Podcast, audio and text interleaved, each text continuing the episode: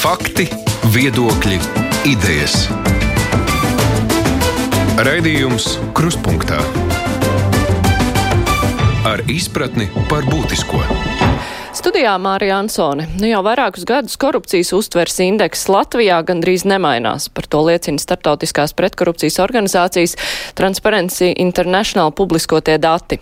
Par pagājušo gadu korupcijas uztvers indeks ir uzlabojies par vienu punktu, tomēr tas nav daudz, turklāt mēs esam zemākā līmenī nekā vidēji Eiropas Savienībā.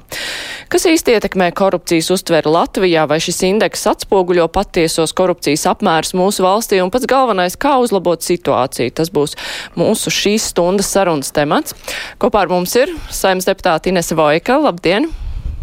Labdien! Korupcijas novēršanas un apkarošanas biroja stratēģijas pārvaldes priekšniece Anna Aļošina. Labdien! Labdien! Tāpat arī sabiedrības par atklātību dēlna direktora Ines Tauriņa. Labdien! Labdien! Labdien! Un Baltijas korporatīvās pārvaldības institūta viceprezidents Andris Grafs. Sveicināti! Ne. Vispirms par eh, šo korupcijas uztveres indeksu. Tad vai tas atspoguļo vai neatspoguļo, un cik precīzi mēs varam spriest par korupcijas apmēriem valstī, jo no vienas puses varētu tā uzskatīt, ka jo vairāk noķer korumpantus, jo cilvēkiem vairāk šķiet, ka ir korupcijas. Ja nekas nenotiek, korupcijas nav, plus vēl, nu, var arī atšķirties. Um, uztvere par to, kas īsti ir korupcija, jo kādam pateicība šķiet kaut kas normāls, un kāds domā, ka tas ir kukulis. Tauriņas kundze, kā jūs to Jā. raksturotu? Korupcijas uztveres indeks um, Ta, tur tiek jautāts uzņēmējiem un ekspertiem viedoklis. Tas nav cilvēku uz ielas viedoklis. To ir būtiski saprast. Un, protams, ka šie dati ir arī no ļoti dažādiem avotiem, no Latvijas astoņiem. Ir pamats domāt, ka pietiekami uh, plaši dati ir ņemti vērā un pietiekami plašs ekspertu lokus ir aptaujāts, lai tiešām spriestu par to, ka jā, korupcijas līmenis ir uh, nu, Latvijā tāds, kāds viņš ir. Un mums, ko, protams, būtiski vēl ir šeit paskatīties salīdzinājums ar citām valstīm, jo, nu, ja mēs um, varbūt neskatāmies tur 57, 58 punkti mums, bet paskatāmies, Igaunijā ir 70. Nu, tad jautājums, kāpēc tur tik daudz, kāpēc Lietuvā arī ir līdzīgi kā Latvijā 60. Tā kā, tas, ir, um, tas ir vēl viens jautājums. Bet nu, jau savukārt arī citi dati, piemēram, Eirobarometra dati, ko Eiropas komisija apkalpo, tur arī tur gan mēs prasām cilvēkiem uz ielas, ja tā var teikt, un tur vienalga iedzīvotāji Latvijā saka 84%, ka korupcija jā, mums ir problēma. Tā kā visticamāk, ka visi šie dati un arī daudz citi, ka nāvam vēl ir savi, saka, ka jā, korupcija ir problēma un, un tā mums ir jārisina. Un, protams, daudzas arī starptautiskās organizācijas jau ļoti konkrēti norādījušas, kas ir tās, eh, kas ir tās mūsu vājās vietas salīdzinājumā ar citām valstīm. Kuri procesi pēdējo pāris gadu laikā varētu būt ietekmējuši šo indeksu? Nu, kas ir tas uh, skaļākais, varbūt, kas ir aizgājis līdz nu, šajā gadījumā uzņēmēju prātiem? Uh, nu, viens vislielākais uh, Latvijas tāds uh, mīnus, ja tā var teikt, ir šajā, šajā korupcijas uztveres indeksā ir tiešām visiem jau zināmās lielās, skaļās, sarežģītās korupcijas lietas, kuras netiek iztiesātas un kur mēs neredzam rezultātus, un tās tiek vilktas gadiem. Tā ir viena lieta, un otrs uzņēmējs, un savukārt, ja tieši uzņēmēji datus mēs skatāmies, tad tur mēs redzam, ka Vienā eh, no, avoti, vienā no šiem pētījumiem jā, ir uzņēmēji, kas norāda, ka tiešām viņiem ir jādod Latvijā tādi nu, papildus maksājumi, lai saņemtu sev labvēlīgus lēmumus. Un ka tā ir problēma Latvijā. Grafkungs, kā jums šķiet, ja mēs runājam ne tikai nu, par uzņēmēju uztveri, bet nu, kopumā par cilvēku korupcijas uztveri, kas varētu mainīties šī gada laikā? Nu, kuri procesi varētu būt noteicošie, kas varētu ietekmēt to, kā mēs uztveram korupciju? Nē, nu, viennozīmīgi tie ir, ir, ir jauni uh, skandāli, kas ir saistīti ar korupciju. Ja mēs apskatāmies nu, pēdējos uh, nu, desmit gadus nemitīgi mediju dienas kārtībā ir, ir bijuši nu, gadījumi, kas liecina tāpat Rīgas attieksmi vai, vai Rimšēviča lieta vai, vai Lemberga lieta, kas valkās gadiem ilgi. Tā kā, ja šādi vai līdzīgi gadījumi, ko, ko atklāja tiesību sargojušās institūcijas, turpina šo mediju dienas kārtību, tad, protams, nav nu, pamata pieņēmumam, ka kaut kas uztverē attiecībā uz korupcijas jautājumiem varētu uzlaboties. Tas, ko noteikti nu, arī ar, ar šo nu, pētījumu un, un indeksu es noteikti sagaidu, ka tas nav tāds nu, reizi gadā pasākums, kur mēs visi apskatāmies, nu, joprojām mēs stagnējam, kad ir šī 50 plus vieta, nu, esam atraduši sevi nu, kaut kādā valstu reitingā, bet, bet kas tad notiek pretī? Tad, kāda ir nu, gan, gan politiskā teiksim, rīcību politikas izmaiņas gan attiecībā uz, uz valsts un pašvaldību kapitāla sabiedrībām, kas atkal ir, ir manas organizācijas fokusā. Nu, kas ir šī atbildes reakcija, lai mēs paceltos nu, reitingu punktā un arī uzņēmēju aptaujās, nu, kā, kā redzams, arī šajā gadā šo uzņēmēju aptaujas Pasaules ekonomikas fóruma nu, šis vērtējums ir ļoti kritiski zems. Tas nozīmē, ka nu, aptaujātie, ja nemaldos, tie ir 90 vai, vai, vai vairāk aptaujātie uzņēmumi no dažādām nozarēm, nu, tad tas vērtējums ir ļoti skarbs. Nu, tad, tad jābūt šai atbildes reakcijai, nu, kas, kas varētu, protams, uzlabot nevis nu, nākamā vai šī gada laikā, bet arī ilgtermiņā procesus, kas saistās ar interešu konfliktiem, kas saistās ar iepirkumiem, kas saistās ar no tādu saist, saistīto pušu darījumiem, gan privātā sektorā, gan arī publiskajā sektorā, nu, kas, kas būtu tāds labs pamats cerēt, nu, ka mēs nu, varbūt ne šogad, bet pēc gada nu, šajā reitingā varētu pakāpties. Bet nu, es arī tā paskatījos, piemēram, portālā LSM, runājot par šo korupcijas uztvers indeksu, bija tieši tā kā jūs nu pat teicāt. Trīs gadu pēc kārtas ir praktiski identiski virsraksti indeks nav mainījies, indeks stagnē. Nu, un uh, arī lasot tālākās reakcijas, ir sajūta, ka jā, nekas arī nav mainījies. Bet vai tiešām pretī nav bijušas nekādas darbības? Nu, mēs taču pēdējos gados esam vērojuši, nu, ka mainās kaut vai kapitāla sabiedrību vadības iecelšanas uh, stils. Uh, arī iepirkumiem tomēr ir, ir mainītas liekšņi, kad ir jārīko publiskais iepirkums. Nu, kaut kādas pārmaiņas taču notiek, bet vai tās ir pārāk nebūtiskas, lai ietekmētu to? Tas ir jautājums joprojām Grafkungam. Jā, nu, es teiktu, atkal, ka šī, šī dienas kārtība, ko mēs varam lasīt, uh, Latvijas un pelēkais saraksts, uh, naudas atmazgāšanas problēmas, uh, atsevišķu banku pārvaldība. Nu, par laimi mēs esam tikuši tam pāri, bet ja tas ir visu laiku dienas kārtībā, mums ir teikt gadījums ar, ar, ar Gulbi kungu, mums ir joprojām Rīgas satiksme, kur tas parādās. Dienas kārtībā ar acīm redzot, nu, šie nu, likumdošanas stāsts un arī teksim, valdības līmenī uzstādījumi nav pietiekami. Un viena konkrēta lieta, kas, kas arī izriet no OECD ieteikumiem valsts uzņēmumiem attiecībā uz pretkorupcijas pasākumiem, ir nodefinēt ļoti skaidru nu, valsts vai, vai arī pašvaldību akcionāru gaidas nu, šajā godīguma, atbildīga biznesa un, un pretkorupcijas jomā. Un tad jautājums, vai kaut kas tāds ir nodefinēts, un jau tās atbildes nav, nu, tā, tā, tāda uzstādījuma nav. Un, un, un, un tas ir viens no, manuprāt, arī šī gada lielajiem uh, mērķiem valsts uzņēmuma pārvaldībā, nu, sakārtot nu, likumu un, un arī valsts kā akcionāra rīcību, nosakot gaidas no visiem valstī piedarošiem uzņēmumiem. Un tas ietvertu ne tikai šos finanšu mērķus, vai atdevi no kapitāla, vai no kaut kādus publiskās politikas teiksim, mērķus, bet ietvert arī šīs horizontālās prioritātes. Un tas ir pretkorupcija, ko OECD rekomendē, ka valstī kā akcionāram, un arī pašvaldībām kā akcionāram ir jānodefinē, ka mēs sagaidām skaidrus pretkorupcijas plānus, mēs sagaidām, lai šīs iepirkuma procedūras sakārtošana, mēs sagaidām iekšējās kontrolas un risku pārvaldības uzlabojumus, un ne tikai to darīt nu, tā, ka neviens to, to īsti neredz, bet arī atskaitīties par to, kādi ir šie rezultāti. Un tad nu, šī atbilde nu, šim, šim pretkorupcijas indeksam ir visaptveroša nu, novērtējums un, un soļu izstrāde, kā visās frontēs mēs šiem jautājumiem varam strādāt. Un, ja tie ir atsevišķi elementi, tad, protams, nu, ir ļoti liels darbs ieguldīts, un, un tas ir nenoliedzami. Bet, bet visaptvaroši, es teiktu, ka tur nu, nav arī šis līderis, nu, ja mēs skatāmies uz valdību, kuram, kura portfelī tie pretkorupcijas pasākumi iekrīt. Nu, kurš tad būs tas karoga nesējs un, un šo, šo ideju virzīs tālāk? Tā kā, nu, es teiktu, ka ir daudz uh, darāmā, lai visas starptautiskās rekomendācijas uh, ieviestu. Cik lielā mērā situāciju uzlabotu reāli notiesātie dažādās lietās, kuras savā laikā ir ļoti skaļi parādījušās, pieminētais uh, Gulbikungs, tā lieta ir sākusies jau pirms daudziem gadiem. Magoņkunga lieta arī ļoti ilgi tika skatīta. Tagad ir attaisnojušas spriedumus par Aivaru Lembergu lietu. Es pat vispār, nu, tā laikam pat nav jāpiemina Vaigas kundze, reāli notiesātie. Tas uzlabotu šo korupcijas uztveri.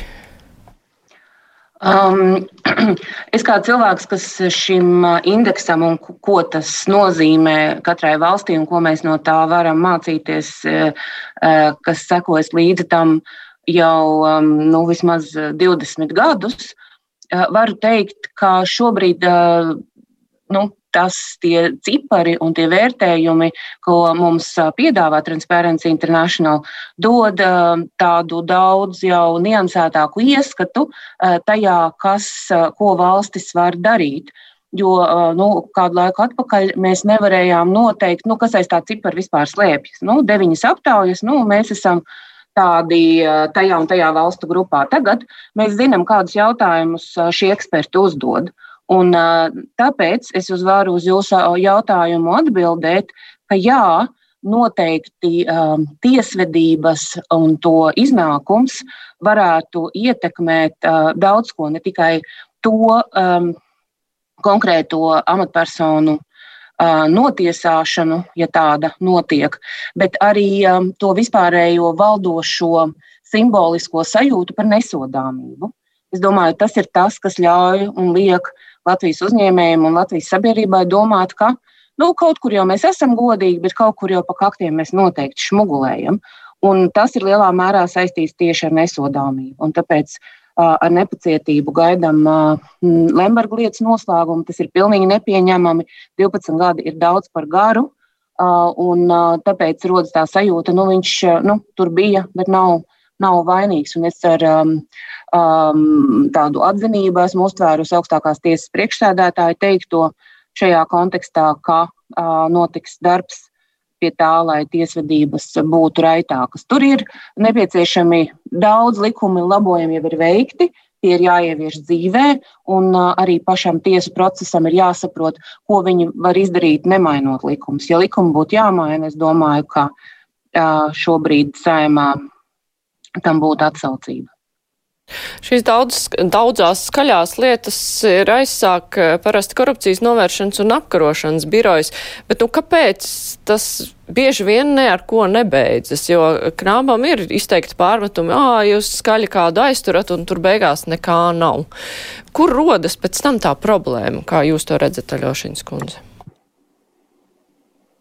Um, Es domāju, ka pirmām kārtām jau uh, jāsaka, ka tā jau nemaz jau gluži nav, kad nav jau arī rezultātu.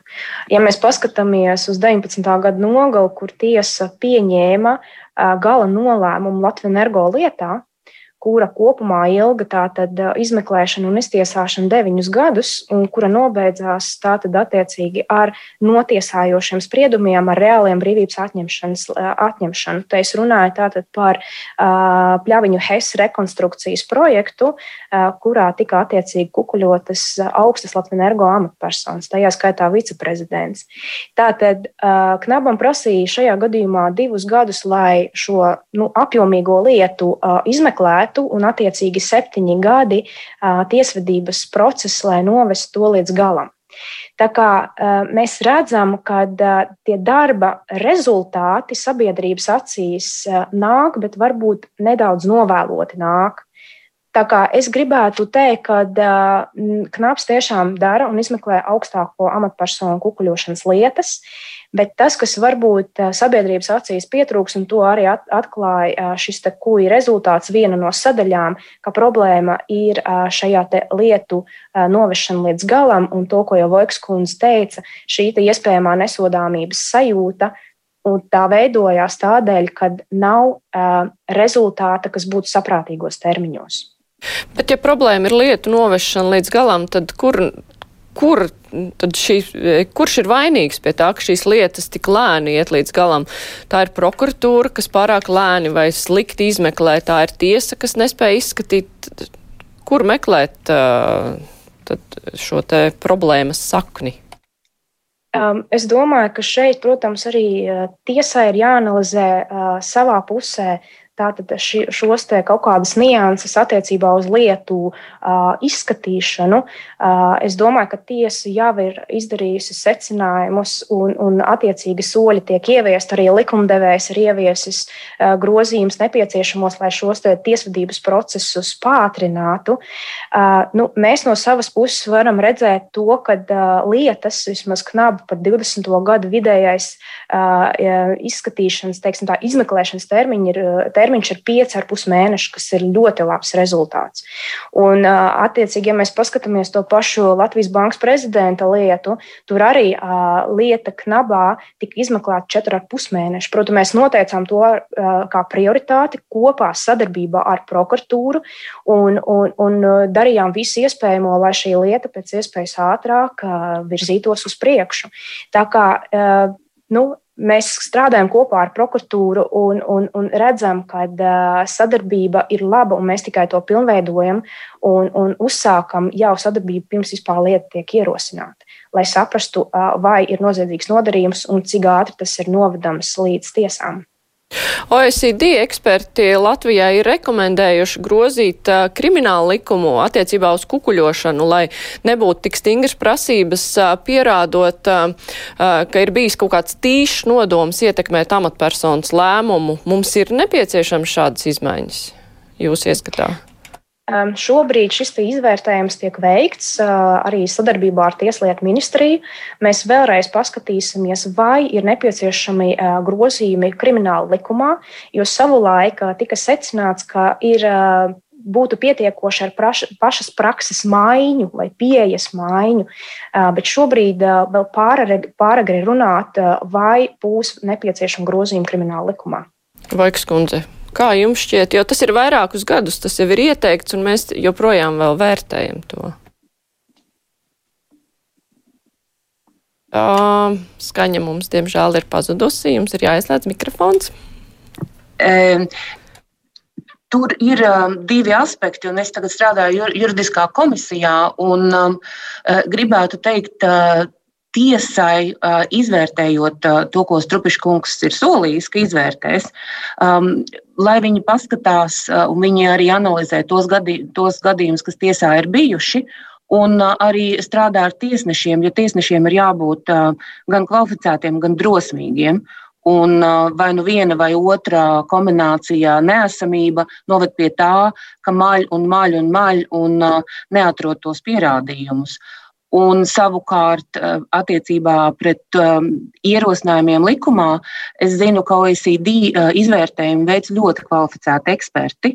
Un um, iespējams ir tieši nianses, jo vienkārši ierakstīt, kādā veidā to darīt, mēs nevaram. Jo tad atkal, nu, nu, tu, likumi tādā veidā nestrādā. Taču noteikti mums ir jārīkojas. Un, uh, Lūdzu, gaidām no Knābu un Tieslietu ministrijas juridiskajā komisijā tiklīdz ir secinājumi.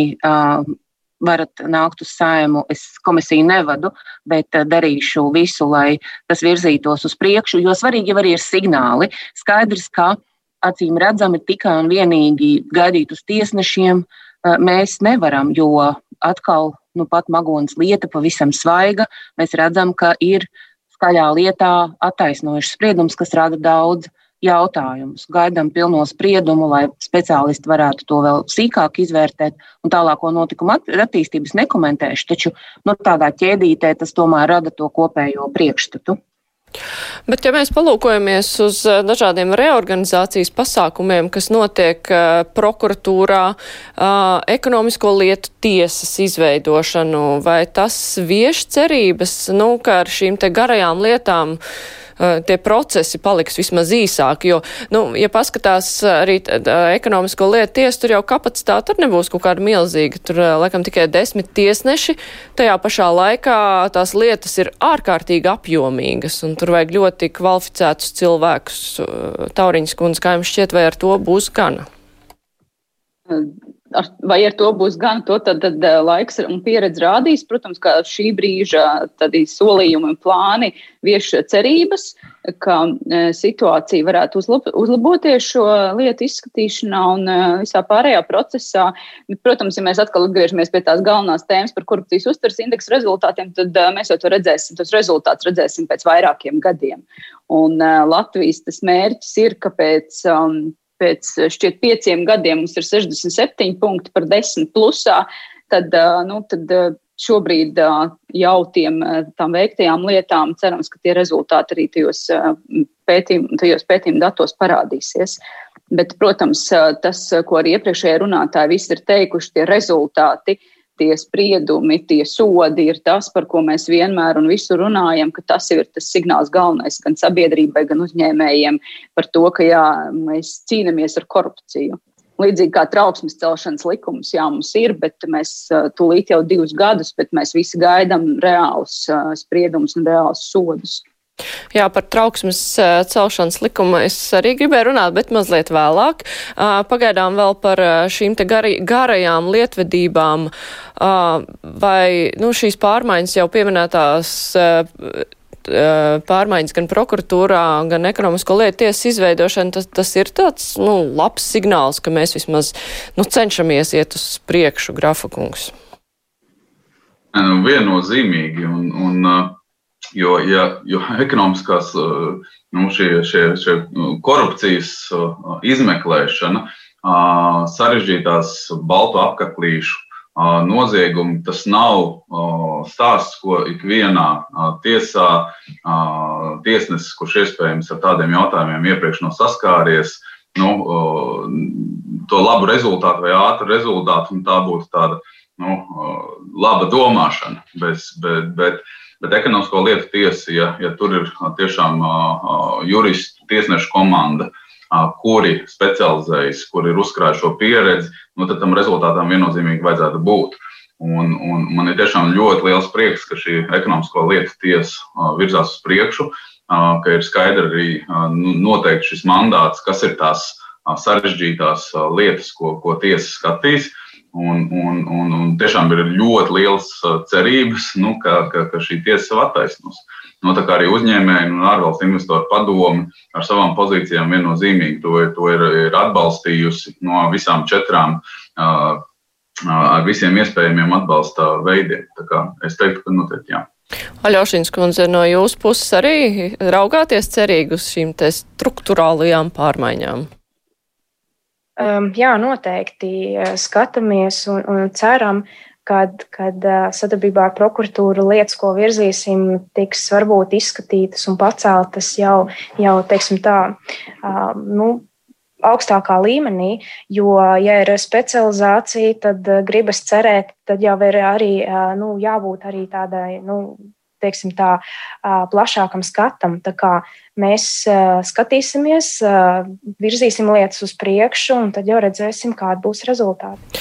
Laiks kundze, bet vai šo struktūru kapacitāte nav tā, kas rada vislielākās bažas? Kuru struktūru jūs domājat? Tiesas? Tiesas, jā, mazais tiesnešu skaits tomēr, jo mums šīs lietas ir lietu daudz, un tās ir ļoti apjomīgas. Un tad sanāk, ka vienam tiesnesim ir ar da, nu, daudz darba ar ļoti apjomīgām lietām. Nu, es biju viena no tām, kas sākotnēji bija skeptiska par tādas specializētas uh, tiesas, ja tā varētu teikt, radīšanu. Uh, taču uh, piekritu arī tai skaitā, skatoties uz to, kā tas šobrīd tiek uzsākts, Um, jo tam ir tāds, nu, ja varētu teikt, nezinu, nu, um, tas nav pabeigts process. Mēs tagad uh, izveidojām šo tiesu, izmantojot jau iekšējos resursus, netērējot papildus līdzekļus, kas tiesā bija, un ļoti nu, rūpīgi sekosim un izvērtēsim, negaidot piecus gadus un negaidot pat divus gadus. Es domāju, šī gada, sāk, šī gada beigās ir jāveic pirmā izvērtēšana, jo um, Andris Grafs teica, ka ir, rūp, nu, tur ir labi noteikti noteikti tie noziegumi, taču juridiskā komisijā esmu dzirdējusi diskusijas par to, ka varbūt tas nav tik viennozīmīgi. Ja? Tā kā tās, ka tu radi kaut ko jaunu, es domāju, tas ir tas mums jāiemācās. Mums ir jāiet, jāmēģina, jo situācija bija jāmaina. Līdzīgi kā mēs runājām par, par, par kriminālu likuma izmaiņām, skatāmies, ko varam izdarīt, un tad uzlabojam to, kas ir vajadzīgs. Mums vienkārši mēs nevaram vilkt to garumā. Es domāju, daļa no tām lietām ir, ka mēs esam izlikušies, ka nekas nenotiek. Un tagad ar šo tiesas izveidi mums ir laba iespēja redzēt, kā mēs to varam risināt. Ja ne tieši šādā veidā, tad mēs varam to mainīt un uzlabot. Bet, ja mēs paskatāmies uz kādām konkrētām lietām, piemēram, par magoņu lietu runājot, nu, tur jau bija no laika gala šaubas, kāpēc ir šī lieta jāsūta uz tās eh, pilsētas prokuratūra, kura tuvumā ir noticis šis noziegums. Un toreiz jau bija šaubas par tiesnešu izvēli. Un tā kā bija spriedums, tad viss teica, ā, nu mēs taču jau teicām.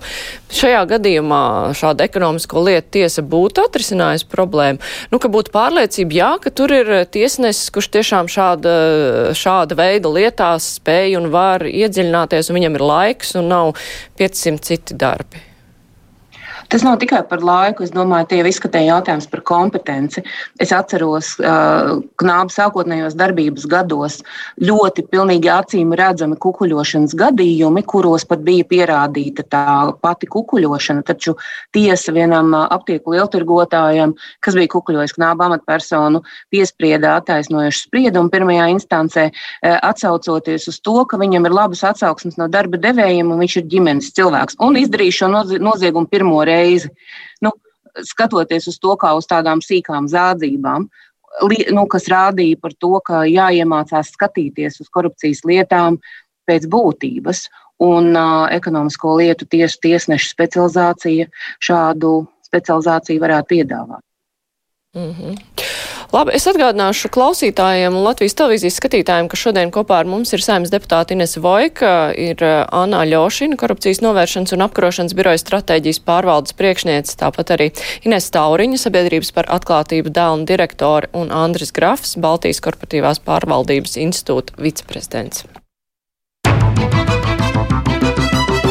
Raidījums Krustpunktā. Jā, es gribēju paturpināt ar jau pieminēto trauksmes celšanas likumu, kam uh, vajadzētu strādāt nu, kā vienam no tādiem pirmajiem instrumentiem, kā arī katrs cilvēks var, var iespaidot uh, cīņu ar korupciju. Un uh, tajā pašā laikā, nu, kā jau tika minēts, šo divu gadu laikā vēl nav, nu, mēs neesam vēl ieraudzījuši, ka kāds būtu sodīts e, par pārkāpumiem.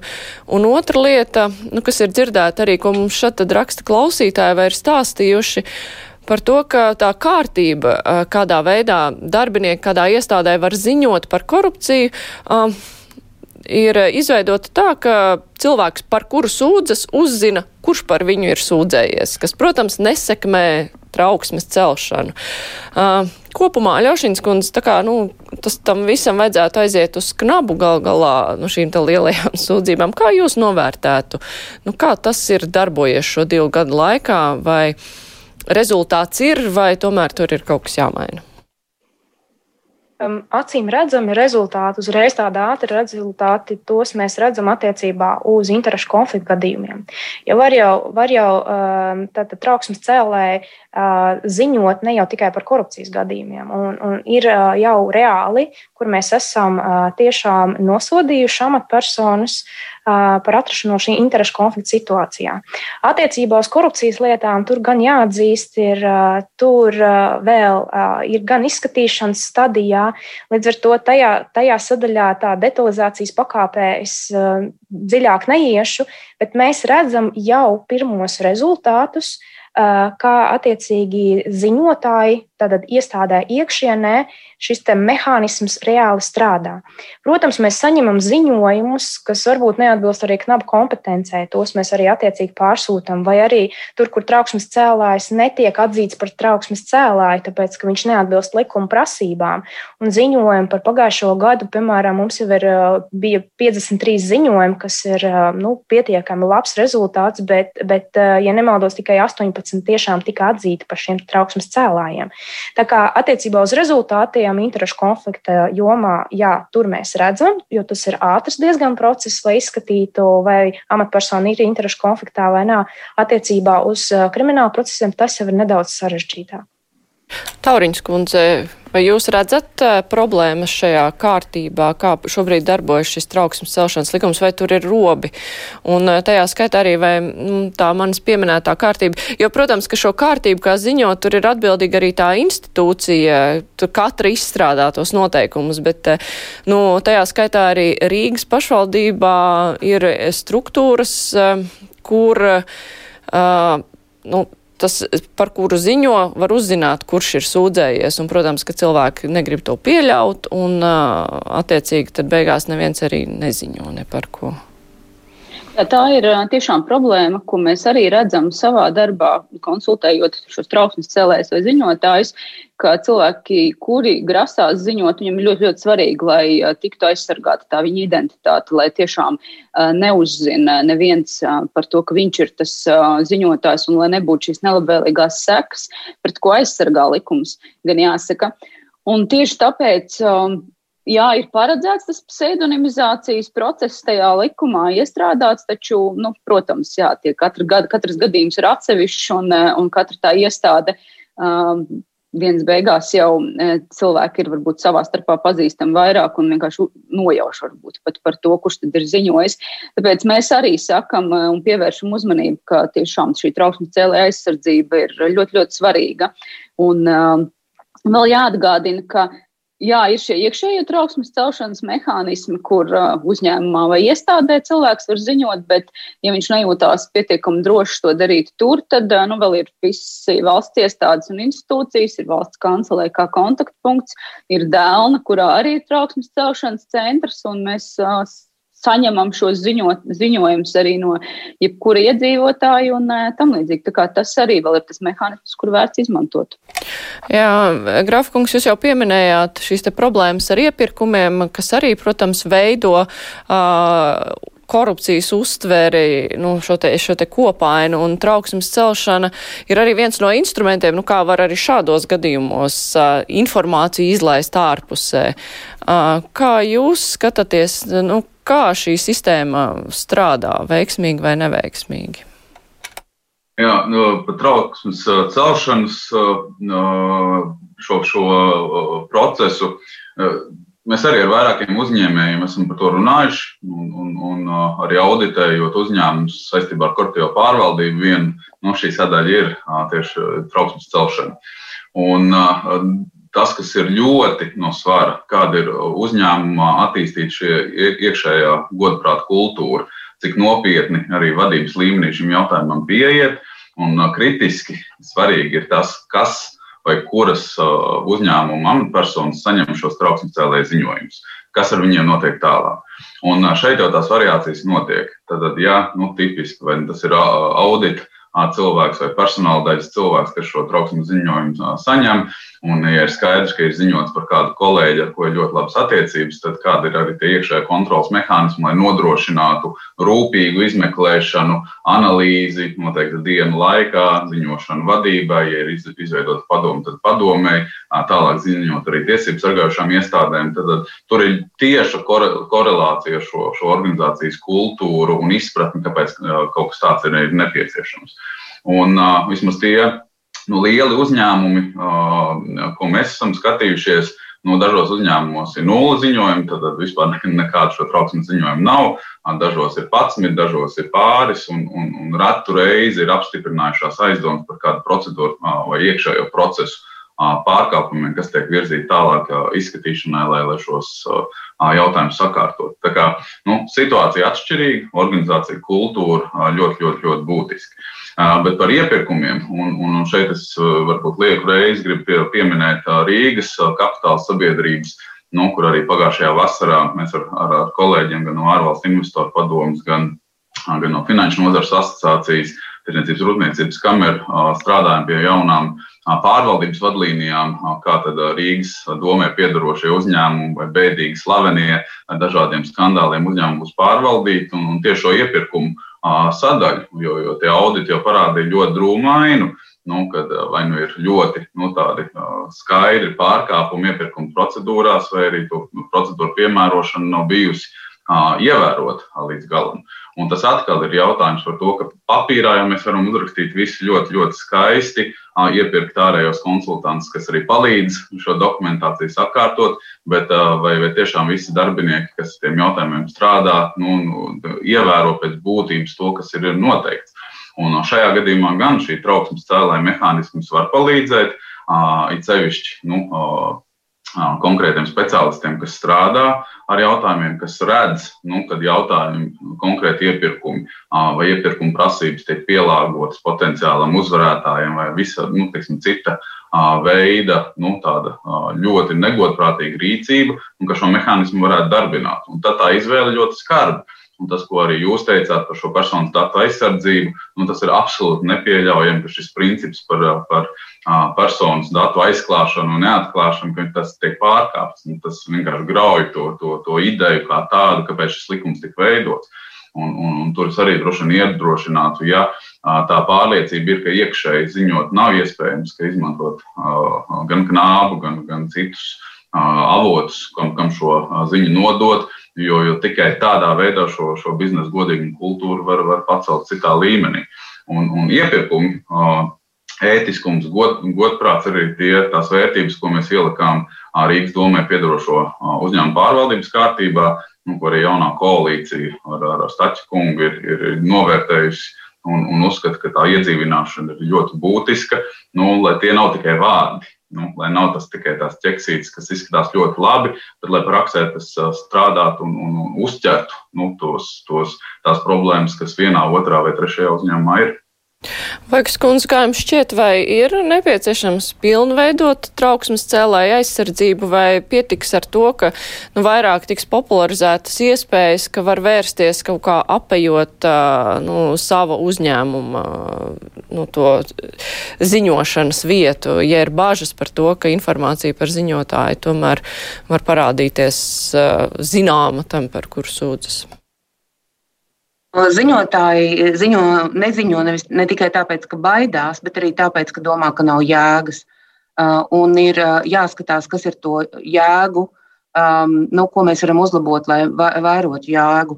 Um, es ļoti um, esmu pārliecināta, ka Rīgā um, šī um, trauksmes celšana tiks uh, sakārtota, skatoties uz to, kā Staķikungs ar dažādiem pretkorupcijas mehānismiem pats ir strādājis. Viņš uh, janvāra beigās atvēra savu tikšanos ar lobbystiem kalendāru.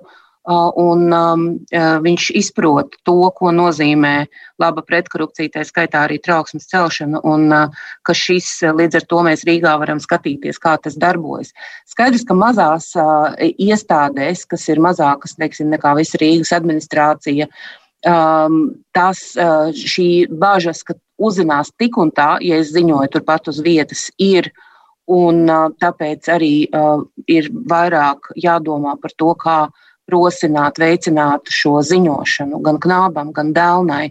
Tas ir tāds darbs, kas ir kopīgs, jo daudzkārt um, likuma pieņemšanas gaitā tika runāts par to neusticēšanos un skepsi par to, ka trauksmes cēlēji ir tie ziņotāji un tu taču nestučīsi.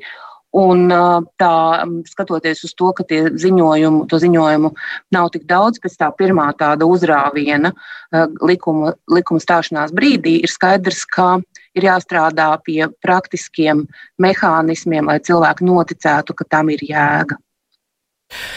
Jā, otra lieta, un ko Vaigs kundze arī nu pat pieminēja, ir šī lobēšanas atklātība. Uz šādu lobēšanas atklātības likumu arī ir liktas lielas cerības, ka tas varētu uzlabot cilvēku pārliecību, ka lietas notiek atklāti. Tauriņas kundze.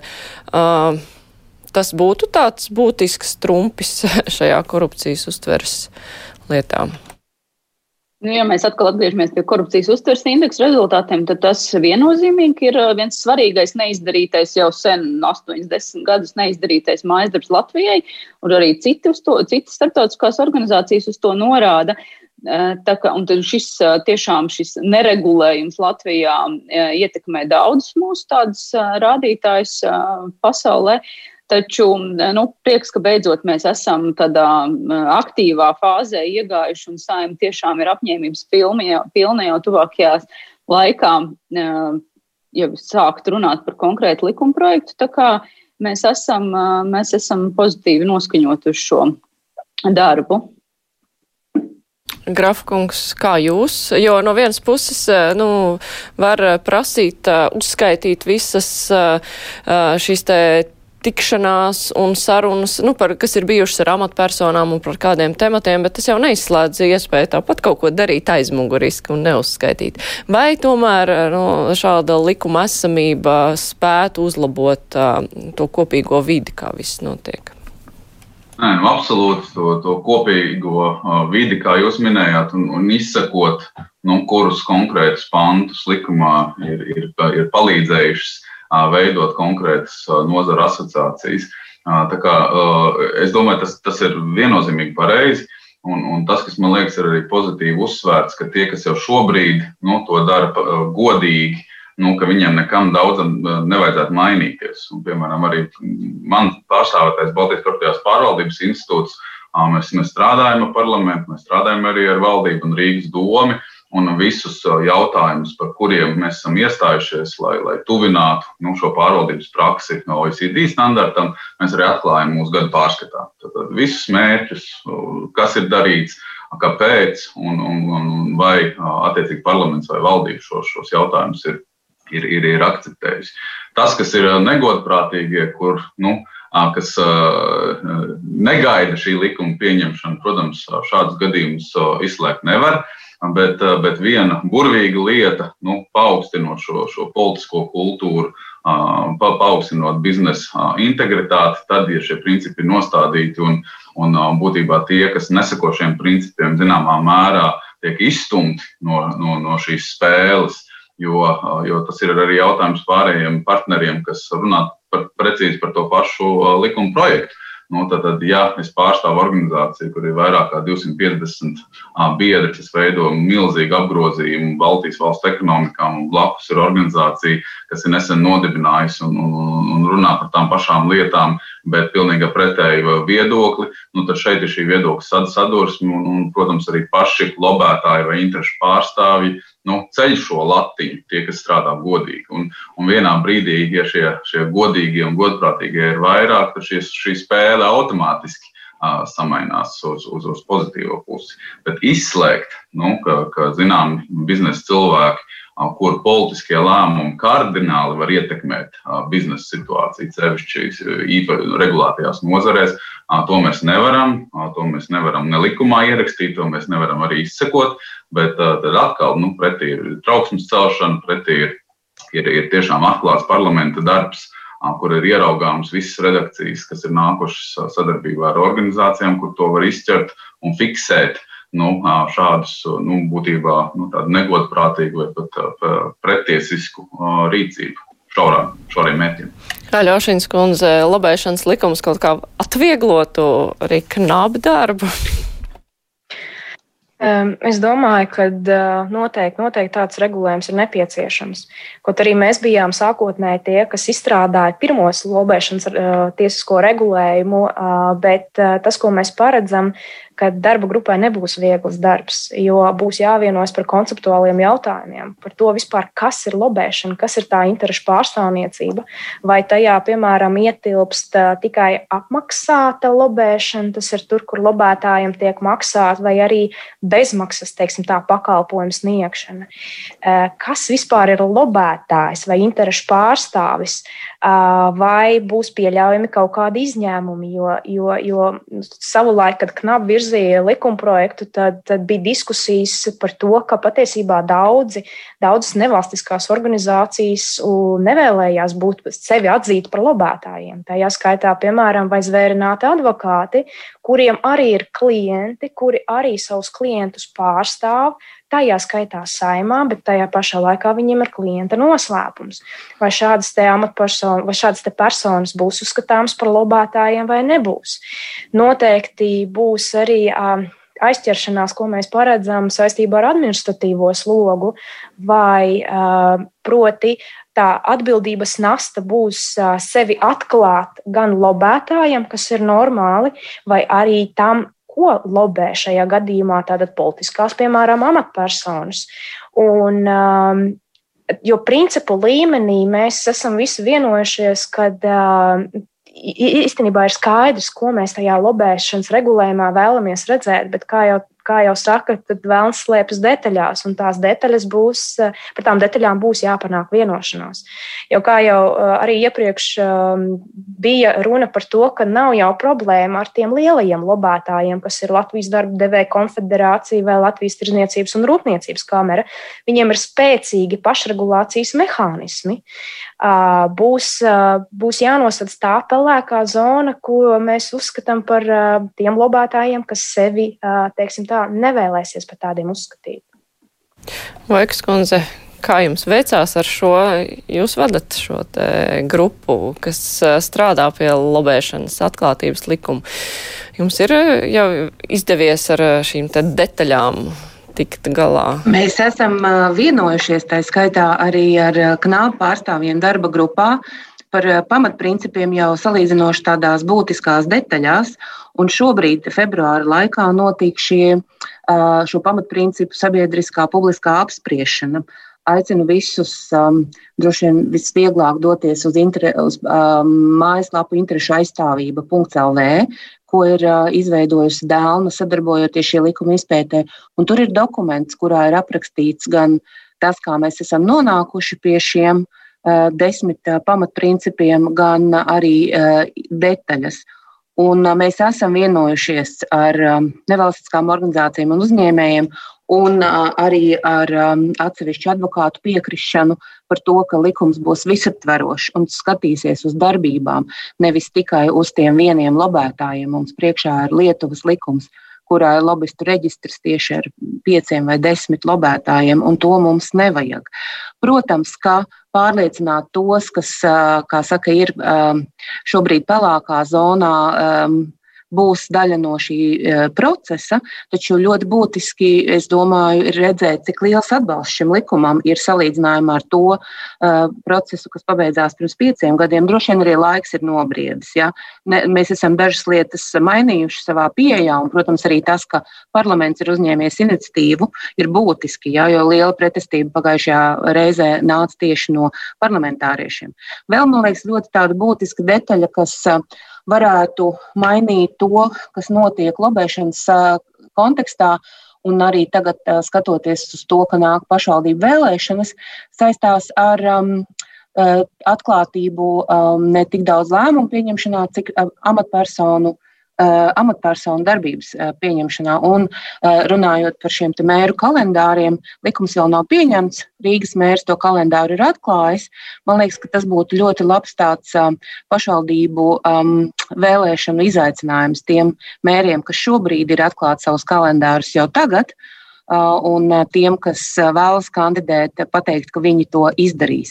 Tāpēc, ka pašvaldību līmenī uh, tā neticība demokrātijai, tā korupcijas uztvere, ka visu var sarunāt, notiek acu priekšā, un um, tur cilvēki veido to daļu no tās savas korupcijas uztveres par to, ka, uh, ja jau tu esi pie varas, galvenais ir kādu pazīt, tur jau cilvēki visu redz un dzird, un tāpēc uh, tieši pašvaldību vadītājiem par savu tikšanos atklātību būtu ļoti, ļoti rūpīgi jāpadomā, tas arī nestu tādus signālus pašvaldību līmenī un arī uzlabotu to, ko mēs varam sasniegt savā korupcijas indeksā.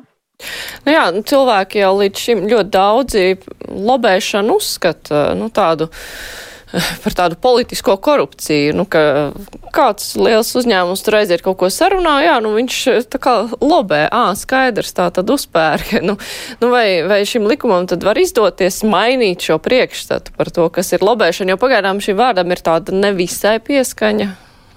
Mēs arī likuma nosaukumā šo vārdu nelietojam. Mēs runājam, mēs runājam par interešu pārstāvniecības atklātību. Un ar likuma mērķi mēs gribam pateikt, ka interešu pārstāvniecībā ir jābūt tādai lietai, kas ir pieejama visiem, neatkarīgi no pazīšanās un naudas makiem. Un, uh, tas ir kaut kas tāds, ko ir labi darīt. Ir jāaizstāv savas intereses. Tām interesēm ir jābūt dzirdamām. Protams, arī uzņēmēju interesēm ir jābūt dzirdamām. Un, uh, likumdevēja uzdevums ir tās sabalansēt. Tā kā es ceru, ka tas veids, kā mēs ejam uz šo likumu, soli pa solim, jo tas ir jauns likums un saimā no pašas nulles reti kurš likums top. Es ceru, mums arī dos laiku šīm diskusijām un izpratnē un arī tādam, nu, tādai tā kā maiņai, ka mēs varam to panākt. Un, ja mēs nu, nopaļojam šo diskusiju uh, par, par to, nu, kas tad ir veicams, lai uzlabotu korupcijas uztvers indeksu, nu, ne tikai runājot par to, kā uzņēmēji uztver, bet vispār katrs iedzīvotājs, tad Nu, kā jūs samērotu, ja ir viena lieta tiesību sargājošo iestāžu kapacitātes stiprināšana un otra lieta nu, kaut kādas uh, likumu pilnveidošana, tajā skaitā runājot, piemēram, par šo interešu pārstāvniecības likumu vai iepirkumu lietu sakārtošanu, tad kurš svaru kauss ir tāds pamatīgāks vai viņi vienkārši vienādi, Tauriņas kundze? Pie darāmajiem Jā, labs, darbiem? labs jautājums. Nu, kā jau mēs arī diskusijā, man liekas, iezīmējām, tad tiešām šīs um, tiesvedības un lielās sarežģītās lietas un to rezultatīvitāte ir viens no tādiem redzamākajiem, uh, rezultā, kas varētu sniegt redza, redzamākos rezultātus. Un tad savukārt tās pārējās tādas likuma izmaiņas vai uh, tas, tas varētu tādā termiņā, varbūt uh, ilgākā laikā sniegt rezultātus. Tāpēc mēs tiešām fokusējamies uz, um, uz šo atbalstu uh, un sadarbību ar tiesību aizsardzības iestādēm ļoti dažādos aspektos. Un, protams, viens no arī tādiem dēlnes mērķiem ir šo profesionāļu kapacitātes stiprināšana arī mūsu tādās iespēju robežās. Bet nenolieksim un atcerēsimies, ka arī, ko jau arī Grāfkungs ļoti labi uzsver, ir šī uzņēmēja darbības vidas tādas godprātības veicināšana, kur arī Dēlna saka, ka ir ļoti svarīgi pie tā strādāt, un mēs arī esam plānojuši ar to strādāt. Nu, un politiskā godprātība arī kā mūsu tas trešais uh, uzdevums šajā korupcijas uztvers indeksa uh, uzlabošanā ir arī, un tad viens no tiem svarīgākajiem ir šis uh, likums šim, šim šim gadam, kā darāmais darbs. Un arī mēs Dānā esam ieplānojuši, ka mēs vēl uh, paskatīsimies ik pa laikam, kā mums iet gada laikā, lai tiešām nākamgad nevis būtu tā, ka mēs atkal apskatāmies, o, oh, atkal esam turpat, bet tomēr apskatāmies, ko mēs pirms gada runājām un kas ir tie darbi, par ko vienojāmies un kā mums tur iet. Aļošins kundze, kurā svaru kausā jūs liktu vairāk tiesību sargājošo iestāžu stiprināšanā, likumu pilnveidošanā? Es domāju, ka noteikti ka abi šie svara kausi ir, ir, svarīgi. Un, ja mēs paskatāmies tiešām vienu no tām vājajām vietām, ko korupcijas uztveres indeksā, kur ir Latvijas zemes novērtējums, ir tiešām šī politiskā integritāte. Un tas, ko mēs redzam, kur ir pilnveidošanas iespējas arī attiecībā uz eh, likumdošanas procesu, tad noteikti tas ir saimnes kārtības roļa grozījumi, kas ir iestrēguši saimā, kurā arī saistībā ar ētikas eh, komisijas pilnvaru paplašināšanu, proti eh, ētikas komisijai piešķirot tiesības pašai ierosināt, piemēram, ētikas pārkāpumu lietas attiecībā uz deputātiem, kas šobrīd nav iespējams bez rakstveida deputāta kāda deputāta tātad, nu, ziņojuma pamata, attiecīgi tikai uz ziņojuma pamata. Tad noteikti, kas mums ir ļoti svarīgi, ir, lai politiskās amatpersonas spēlētu godīgu spēli arī priekšvēlēšana aģitācijā. Un ko tas nozīmē? Tas nozīmē, ka šobrīd mums ir ļoti, ļoti zemi sodi attiecībā uz priekšvēlēšana aģitācijas pārkāpumiem, uz ko mums arī norādīja starptautiskie eksperti. Tā kā jāstrādā ir arī šajos virzienos, jā, mums diemžēl laika vairs nav. Es saku paldies uh, Inese Vojka, Anna Ļošina, Ines Tauriņa un Andris Grafs bija šodien kopā ar mums. Raidījums ar to izskan producente Evi Junām. Studijā bija es Mārija Ansona. Tā kā darāmā vēl ir daudz. Vislab!